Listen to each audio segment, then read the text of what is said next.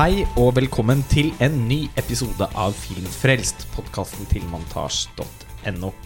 Vi har samlet et eh, panel eh, i Cannes, der hvor det er filmfestival, som alle vet. Eh, og den har allerede vart i ja, snart fire dager, så vi har fått sett ganske mye film og begynner å komme i et modus der vi kan ja, ikke nødvendigvis spå gullpalmen og den slags, men i alle fall eh, få et slags overordnet inntrykk av det, altså, av nivået på årets konkurranse. Det må jeg jo selv si at eh, av erfaring så kan man ofte merke det litt tidlig. Om det er et sånt kanonår, eller om det er et ok år. Det er jo aldri dårlig i, i Cannes. Og siden ikke alle rundt bordet her har sett de samme filmene, så vil det ikke nødvendigvis være sånn at uh, alle er med i samtalen om alle. Uh, vi skal vel i utgangspunktet fokusere på to filmer.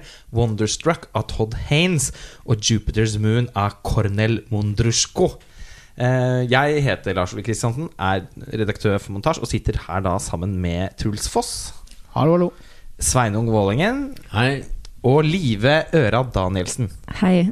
Veldig hyggelig å ha dere alle rundt eh, bordet. Vi skal starte dessverre da med noe som kanskje ikke er så hyggelig. Nemlig at den første filmen som ble vist i konkurransen, 'Wonderstruck', av Todd Haines, nok må sies å være en ganske dundrende skuffelse. Jeg har jo snakket med dere på, på forhånd, så jeg er jo klar over at uh, bordet er at det, ingen, at det, da dessverre ikke er noen rundt bordet som har veldig mye til overs eh, for den filmen. Men vi får nå likevel forsøke å komme til bunns i hva det er som, som, som ikke fungerer. Uh, dette er jo en regissør som uh, mange i, av bidragsyterne til montasje setter høyt, og som jeg tror mange av lytterne våre også har et nært forhold til. Live, kunne du tenkt deg å fors forsøke å presentere hva premisset for historien i denne filmen? Jeg kan prøve så godt jeg kan. Da kan jo eventuelt komme inn uh, med all den infoen jeg eventuelt mangler. For jeg må jo si at uh, For det første så er det vel en fortelling som er basert på en roman fra 2011 uh, eh, av samme tittel, tror jeg. Ja. Av han Brian Selznick, som også har skrevet 'Hugo'. Ja. Så det en sånn illustrert roman. Ja. Uh, filmen tar da og adapterer denne romanen ved å fortelle to historier parallelt. En fra 1930-tallet, tror jeg, og en fra eh, 70-tallet i, i, New York, eller derom. hvor da denne 30-tallshistorien er en svart-hvitt-fortelling, framstilt på en litt sånn stumfilmmåte, som handler om en jente, en ti-tolvåring, noe sånt, eh, som er veldig opptatt av en skuespiller, og som eh, rømmer hjemmefra for å da finne denne skuespilleren. Mm. Hun er døv, hun jenta her, så hun, dette er noe vi finner ut på et tidspunkt i, i fortellingen. Det speiles liksom da av at av, altså, Det at man har valgt å skyte den delen av fortellingen som en stumfilm, speiler jo da på en måte at hun er døv. Ja. Uh, og så har vi en gutt på Ja. 70-tallet Ja. eh, som blir døv. Eh, utsatt eh, Altså, han eh, Vi blir kjent med han og hans mor, spilt av Michelle Williams. Eh, filmen bruker vel ikke særlig mange minutter på å skape en slags relasjon mellom dem, men vi får vite at hun har blitt revet bort, eh, og gutten drar da til New York for å finne sin far. Mm. Og på en måte, ja. Ja, som er en sånn han, han, eh, vet jo aldri hvem denne faren er. Dette er noe mora ikke vil fortelle. Så vi skjønner jo allerede da at dette her er noe han er veldig opptatt av, og her ligger det et eller annet. Ja. ja. Så er det på en måte hans søken etter å finne Ja, ikke bare finne en omsorgsperson.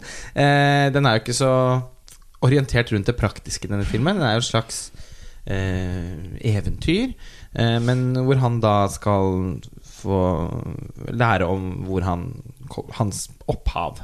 Og så viser det seg da selvfølgelig at disse to eh, fortellingene de er ikke bare De er ikke flettet sammen for ingenting.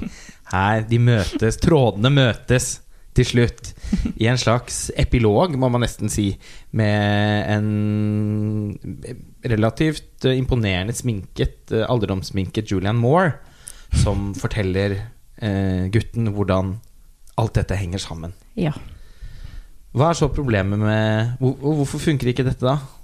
Truls? Eh, jeg opplevde filmen så ganske på et vis toneforvirra. At den ikke hadde så veldig mye på hjertet. At den var rett og slett på en eller annen måte litt sånn uinspirert. Og at den forsøkte, som vi har prata om tidligere, eller når vi har sett filmen, altså forsøke filmen å fortelle en litt sånn, man skal nesten si, Spielberg-aktig historie. Og det egner ikke Det kommer tydelig fram at det klarer ikke Todd Haines. Så barneskuespill, blant annet, fungerer veldig lite godt.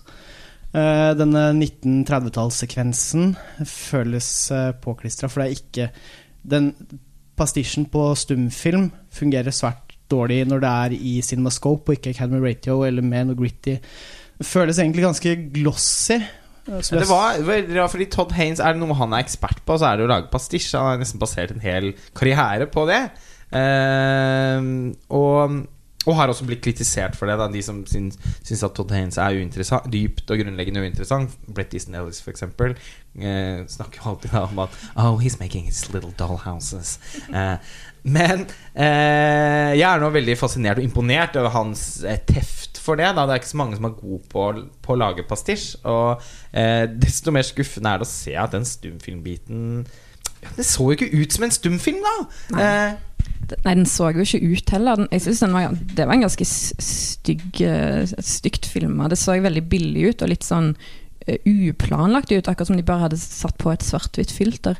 Så det var bare så lite gjennomført, og det var det, det, var det som overraska meg med akkurat den delen. Og så var det òg her ganske dårlig barneskuespill fra hun her uh, unge, stumme jenta, syns jeg.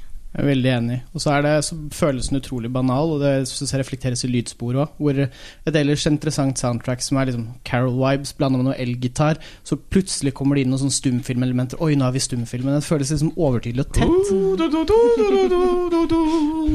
Det var, ja, det var, det var så fake! Og jeg er enig i at den så rett og slett og det, Edward Luckman, en av verdens beste fotografer, han har bare da, sam, som alltid jobber så bra med Todd Haynes Men de har liksom bare ikke Det virker som ikke, ikke som om de har hatt noen idé om hva de skal gjøre for noe. Så har det bare blitt veldig flatt og lite overbevisende.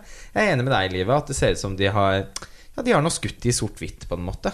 Eh, og det er litt korn i bildet. Og det er det. Uh, for, og, og, kanskje har man hatt en tanke her da, om at, at, man ikke har lyst til å distrahere publikum for mye og rive, man, rive, publikum inn og ut av historien med forskjellige formater og den slags.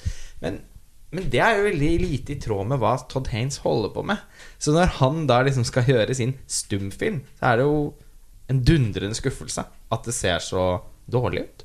Mm. Uh, likevel, men, altså, men, hun Ja, jeg var heller ikke veldig imponert over hun, ny, det nye stjerneskuddet som spilte eh, den stumme jenta. Som også dukker opp i Lynn Ramsey sin film her nede. Så hun skal vi se mer til. Uh, jeg nok, hadde nok mer problemer da med han gutten fra den filmen til David Lowery, 'Pete's Dragon', som jeg uh, syns var uh, en, ah, Som jeg også var veldig litt imponert over. Den fikk jo så fantastiske kritikker. Jeg klarte ikke å skjønne hva som var så gjevt med den.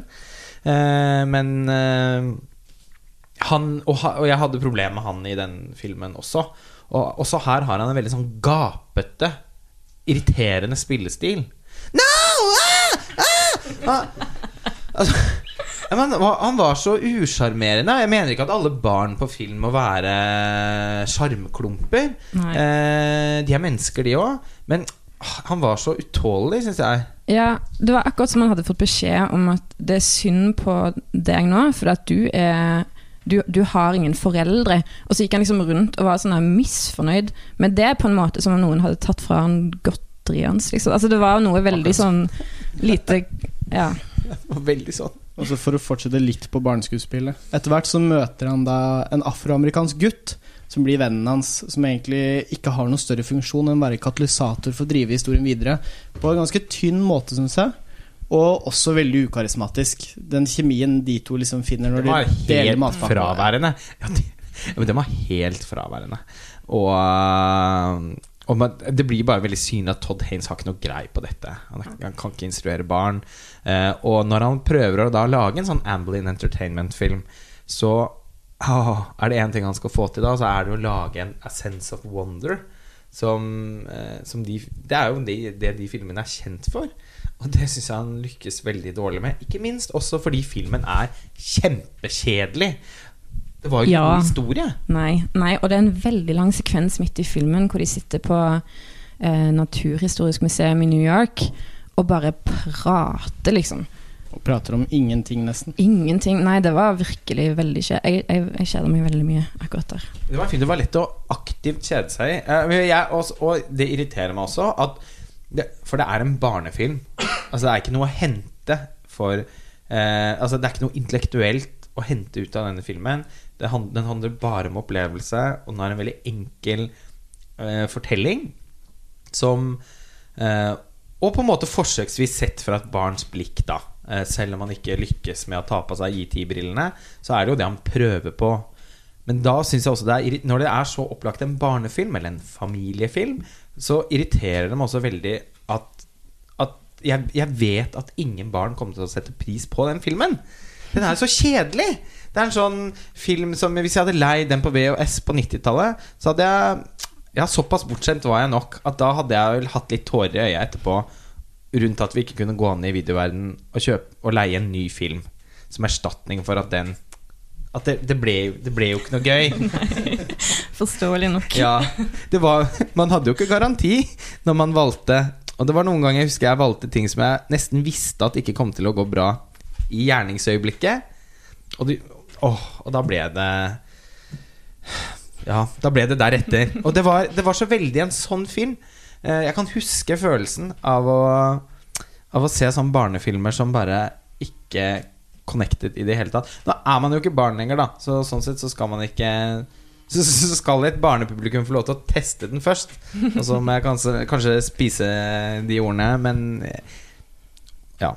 Jeg er helt enig. Jeg syns det er trist når man går ut fra en Toll Haines-film som er i hovedkonkurransen i Cannes, og krampaktig prøver å finne fram til hva kanskje det var noe som var bitte litt bra her. Og ja, det var en slags dukkefilmscene som var liksom fint laget, men det var det man kom fram til på slutten. Det var liksom høydepunktet. ja den var jo fin, men den var litt corny òg. Jeg syns den var veldig corny, jeg. jeg, så, altså, det, det var, jeg, jeg, jeg tror jeg så hva det var et forsøk på. Um, men jeg forsto ikke helt hvorfor det elementet skulle introduseres på dette tidspunktet. Og, og den sekvensen kommer vel òg mot slutten av filmen, som er noe av det minst gripende jeg har overvært, egentlig. Det, det er jo en scene som skal, som skal vekke masse følelser i oss, og som skal få oss til å virkelig kjenne på storheten i, i, i dette. Men, men det var jo heller ikke Men til det, Noe av det minst gripende du noensinne har sett. Jeg kan jo ikke si meg uenig i det, da. Det kan ha vært en overdrivelse, men det var iallfall det jeg følte der og da. Ja. Jo, men det er akkurat som du sier. Altså den, det, er, det er veldig mange stryk, følelses, strykere i følelsesorkesteret som skal åh, Og det er tid og rom og skjebner som knyttes sammen. Og, men det, gjøres med den, med den samme, litt sånn mekan, på den samme mekaniske måten som det gjorde i sånne litt leie flettverksfilmer fra 19, midten av 2000-tallet. eh, og ja Men bare for å skyte inn på dette med at den scenen med dette slags dukkefilmteatret føles litt sånn off. Filmen starter jo også med en drøm om noen ulver, som også er en sånn underlig start. Og i tillegg til at du har sort-hvitt-filmen og den 70-tallsfilmen inne i bildet, så er det sånn Det er så mange rare toneskifter i den. Jeg syns den hopper seg fra uten at det henger sammen i det hele tatt. Og det var så sinnssykt teit med det med hvor de ulvene kom fra.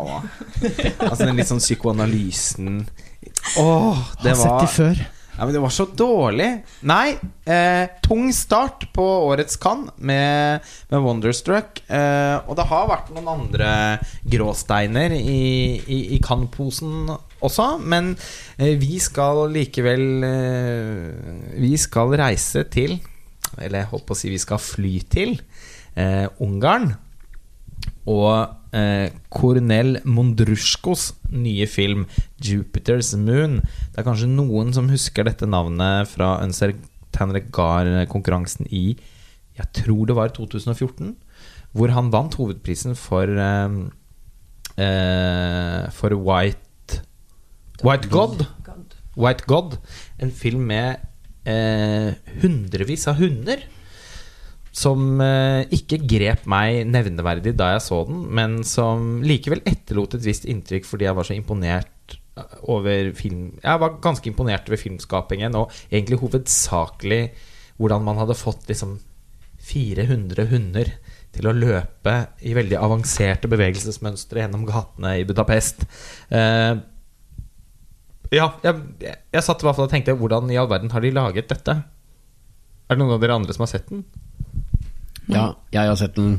Nå kan jeg eh, komme inn i podkasten. Jeg har jo ikke ja, overvært Todd Haynes-skuffelsen ennå. Men uh, Jupiters Moon ble jo i hvert fall uh, ja, et, et, himmelhøyt høydepunkt. Uh, det handler jo om en, en, flyktning som kommer fra Han kommer vel fra Syria. og ja, vi møter han og Er det faren hans eller broren hans?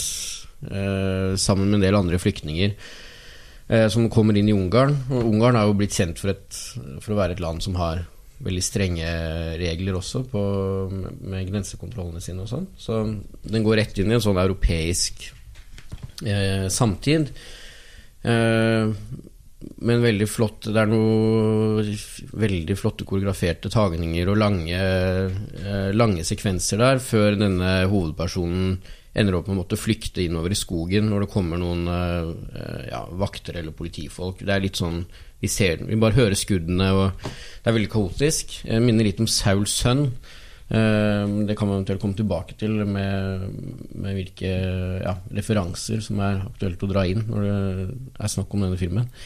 Men uh, i hvert fall så den beveger seg litt bort fra dette europeiske portrettet, kan man si, ganske kjapt. når det viser seg at når denne hovedpersonen blir skutt, så uh, ender han opp med å kunne fly. Uh, altså ikke sånn at han svever overalt og er som Peter Pan-skikkelse, men, men, det er sånn at han ved noen litt sånn nesten sånn samtidsanstaktige beveg bevegelser, så kan han heve seg og senke seg i luften, eh, og også påvirke rom og mennesker rundt seg. Eh, og det høres ut som en ganske tåpelig premiss, men Ja, filmen tar dette på fullt alvor, og han møter jo også et par personer som blir De må på en måte konfrontere seg selv med sin egen tro og tvil når de oppdager dette ja, fenomenet, da. miraklet.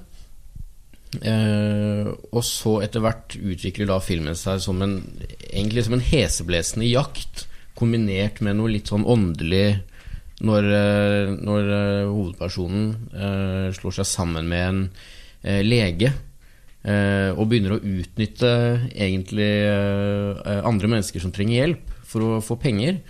Eh, det er mest for den legens del, og hans, eh, han ser sitt snitt da, til, å, til, å, tjene noen penger her på, på dette mirakelet uh, som har oppstått. Og så er det en politimann som jakter på dem gjennom hele filmen. Og det blir altså så uh, underholdende etter hvert, samtidig som det er den her åndelige den, Ja, dette litt sånn åndelige over filmen som, som gjorde at både du og jeg, Lars Ole, begynte å tenke på på både Tarkovskij og Bela Tarr og det var en jungel av referanser som svirret eh, seg rundt oss eh, idet vi kom ut av den kinosalen. Vi tenkte på Satan Tango, eh, Stalker spesifikt av Tarkovskij, mm. Soul Sun, som du allerede har, eh, har nevnt. Eh, tenkte på, vi tenkte også begge to av en eller annen merkelig grunn på Stammen.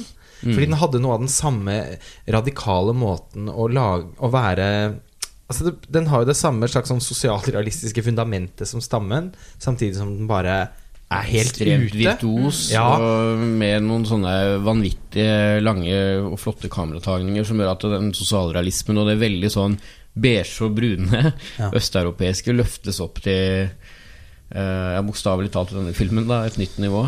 Og i, til, med liksom, i tillegg så kan man liksom strø på litt Inception og litt The Matrix eh, og litt Alfonso Cuarón. Eh, og så begynner man å nærme seg en slags beskrivelse av hva dette er for noe. Mye av grunnen til at vi også tenker på Tarkovskij og Bellatar, er jo ikke bare eh, på en måte fiksjonsuniverset i seg selv og estetikken, selv om det er mange likhetstrekk der òg, men faktisk noe så spesifikt som filmens lyddesign. For uh, i likhet med, med, med Tarkovskij og Tar, så har jo da Mondrusjko valgt å jeg, jeg vet ikke om det er Altså, jeg kan ikke helt skjønne at det skal være en feil. En, eh, det var, du nevnte vel det, Liv, at det kanskje var mulighet for at det var en sånn forhastet beslutning. Eller sånn, fordi man ikke har rukket å bli ferdig til festivalen. Ja, ja altså jeg eh, satt og så den filmen og tenkte konsekvent at her er det noe som ikke helt stemmer. Du kan jo forklare hva det er. eh, Ja, altså det. Før jeg gir eh, ordet til deg, så kan jeg fullføre det. at eh, det er rett og slett sånn at dubbingen stemmer ikke overens med munnbevegelsene til rollefigurene. Sånn som man ser i alle italienske filmer fra 50, 40-, 50-, 60-tallet. Og i filmene til Tarkovskij og Taro og mange andre òg. Og det får Det skaper en sånn her ekkoaktig, fremmedgjørende effekt. Og skuespillerne De har en ganske sånn stilisert spillestil.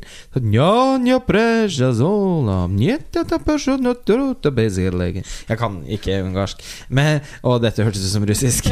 Men, eh, eh, som, ja, men som alltid har skapt en veldig sånn spesiell atmosfære, da, i f.eks. Satan Tango. Eh, og Sånn pust og eh, som og det, det var som å liksom være i et ekkokammer. Og hvis det viser seg å ikke være intensjonen, så får det være greit. Men eh, hvis det er det, så syns jeg i hvert fall det er et grep som fungerer veldig bra. Mm. Ja, um, jeg, eh, jeg syns det var en distraksjon, kan du si. da Jeg, eh, jeg klarte ikke helt å se at det var noe annet enn enn at han, han som spiller En feil. en feil. Enn at han som spiller da denne legen eh, For det var han jeg merka det på. Jeg, jeg Ja, det var mer eh, hovedsakelig på han. ja, de andre så liksom ut som at de fikk til den dubbejobben når, når han ikke gjorde det. Men, eh, men hvis, hvis det er en hyllest, så er det jo en veldig subtil og fin en. hvis det er sånn du vil se det. Det, det blir jeg meg, Uff, nå tar jeg meg i at Ja, det blir, det blir veldig smalt som en sånn inngang til å Nei, men altså, det, jeg vet ikke om det er en hyllest eller Men det er noe et eller annet med at man eh, Jeg tror ikke det var helt uten grunn eksempel at Bellatar velger å gjøre det. Den filmen er fra 90-tallet. Ja. Hvor det ikke er noe spesielt utfordrende å få til den slags. Så jeg tenker at man også ønsker å skape en slags fremmedgjørende effekt. Og det ville i hvert fall kledd denne filmen, og gjorde det, syns jeg, mens man så den. Vi må jo begynne å snakke om eh, den, altså filmskapingen her. Eh, det er et bakteppe med flyktningkrise, terror eh, en, eh, og sekularisering. Eh, og at det kommer jo da Det er som en slags det en mytefortelling. Den minner liksom både om Jesus Kristus og om Faust på en og samme tid. Ja. Det er for øvrig også en film den minner litt om. Sukurovs Faust. ja, faktisk. Mm. Jeg tenkte òg på Moby Dick, altså romanen. da Først og fremst denne besettelsen han her politimannen får av dette svevende mennesket. Mm. Som nesten eh, Ja, han, han blir jo nesten litt sånn vanvittig av det, Ja. du. Han, han takler ikke å ha den, hopp å si, som de sier på Paradise Hotel. Han, og, og, og han takler ikke helt å ha en så stor makt. Nei. Fra Paradise Hotel til Faust. Eh, eh, nei, men han, han blir jo vanvittig av, det. Eh, og han blir, man ser jo at han i større og større grad opplever et behov for å demonstrere eh, makten. Eh, overfor andre som de støter på. Han, det blir også en sånn slags Han skal også demonstrere noe. Eh, han ønsker å bli trodd, selv om han selv i utgangspunktet ikke virker som en spesielt spirituell anlagt person. Så, og det blir en fascinerende reise, det å følge hans den hybrisen, på en måte, som han må gjennom i møte med mirakelgutten.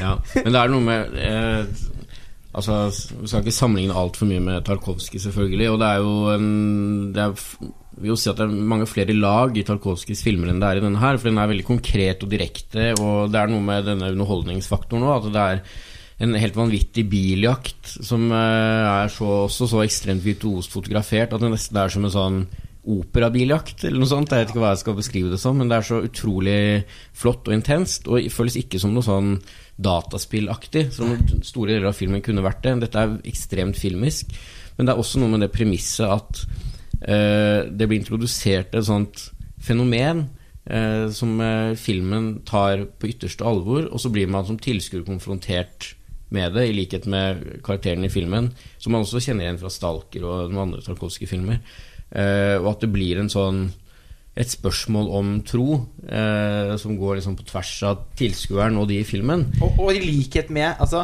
Vi blir jo veldig beveget av å se de miraklene selv. Fordi de scenene er jo så fantastisk bra laget. Det er helt vanvittig. Altså, til og med Inception må jo nesten gå og legge seg. Eh, ja, uten å avsløre for mye, fordi det er gøy å ikke vite om de spesifikke settingene som eh, Som holdt på å si trolldomskunstene eller miraklene skjer i. Men måten han svever rundt på og får rommene Altså påvirker tyngdekraften i rommene. Altså er helt vanvittig. Og, om man på samme måte som vi i kinosalen blir Eller vi, det har jo vist seg at dette er jo den mest eh, slaktede filmen i hovedkonkurransen så langt blant det internasjonale kritikerkorpset. Så vi, bare vi, eh, opplevde i hvert fall at eh, At man selv liksom kjenner på at det er litt utrolig. Og man ser jo at de eh, menneskene som han legen tar med De pasientene da som får oppleve dette, også Ja We found love in a hopeless place. det blir litt sånn. Altså, fordi det er noe banalt i, eh, i den effekten. Altså, og vi skjønner at det ikke er noe medisinsk som, eh, som forskyves. Mm. Men de, får en strime av håp. Eller av, av, muligheten av en tanke, på en måte, og at det er nok. Mm. Eh, og det syns jeg faktisk var litt gripende. Mm. For det var så sinnssykt vakkert iscenesatt òg. Uh, alle, de, alle, de, hjemmene og sånn som vi får komme til. Og det er jo så, også så fantastisk sjanger. Den der odyssé-aktige uh, dramaturgien som man også ja. finner i filmer som Ice White Shut og After Hours av Scorsese osv. Mm. At man liksom går hele tiden fra sted til sted, rom, banker på dører, inn, hotellrom. Åh! Ja. Jeg er også veldig svak for det. Og jeg syns de møtene med de pasientene og menneskene Det føltes heller ikke, til tross for disse vanvittige kameraføringene og at ja, det skjer så mye vanvittig, så, så føles jo ikke de overnaturlige, egentlig, de møtene. De føles jo veldig menneskelige og troverdige. Det er ekte mennesker som har noen problemer, og så kommer ja, mirakelgutten, som han nå er introdusert som, eh, og, eh, og, gjør noen grep. Og så blir det veldig rørende. Ja. Har du noen avsluttende ord, eh, Livet?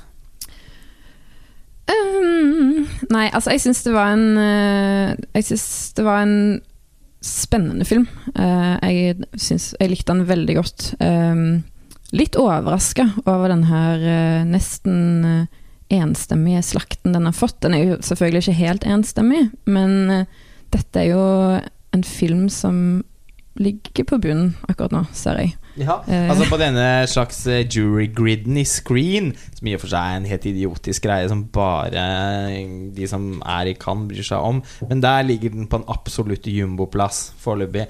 Men, men jeg blir bare Jeg blir nesten så lei meg, jeg, på vegne av Altså er det, er det, ikke sånne filmer som dette vi kommer til kan for å se, da? Ja, for tenker, uh, Hvordan kan man like film uten å liksom sette pris på uh, de gjennomgående kvalitetene i den filmen? Ja. Disse kameraføringene og det visuelle og alt det der. Og ikke se at det er bra. Det er liksom ja, For det er jo ikke, litt, det er ikke snakk om at det er bra. Det er jo helt sinnssykt bra! Ja. Uh, altså, det, det er mange som har skrevet It's technically impressive, but Åh, Det kunne du sagt om så mange filmer! Det kan vi si om den siste Jurassic Park-filmen òg, på en måte. Mm. Eh, eller den siste Transformers-filmen, eller hvilken som helst film. Eh, det, er, det, er, jo snakk om at det er en, det er en følsomhet eh, og, i films, filmspråket, og en intensitet og en evne til å skape atmosfære som er helt vanvittig. Eh, og jeg er helt sikker på at det sitter noen Hollywood-produsenter og tar notater her. Fordi jeg satt Dessverre, på en eller annen måte, da så fikk jeg feelingen at dette nok er den siste filmen han lager i Ungarn. Fordi et sånn type filmhåndverk, det går ikke Hollywood hus forbi.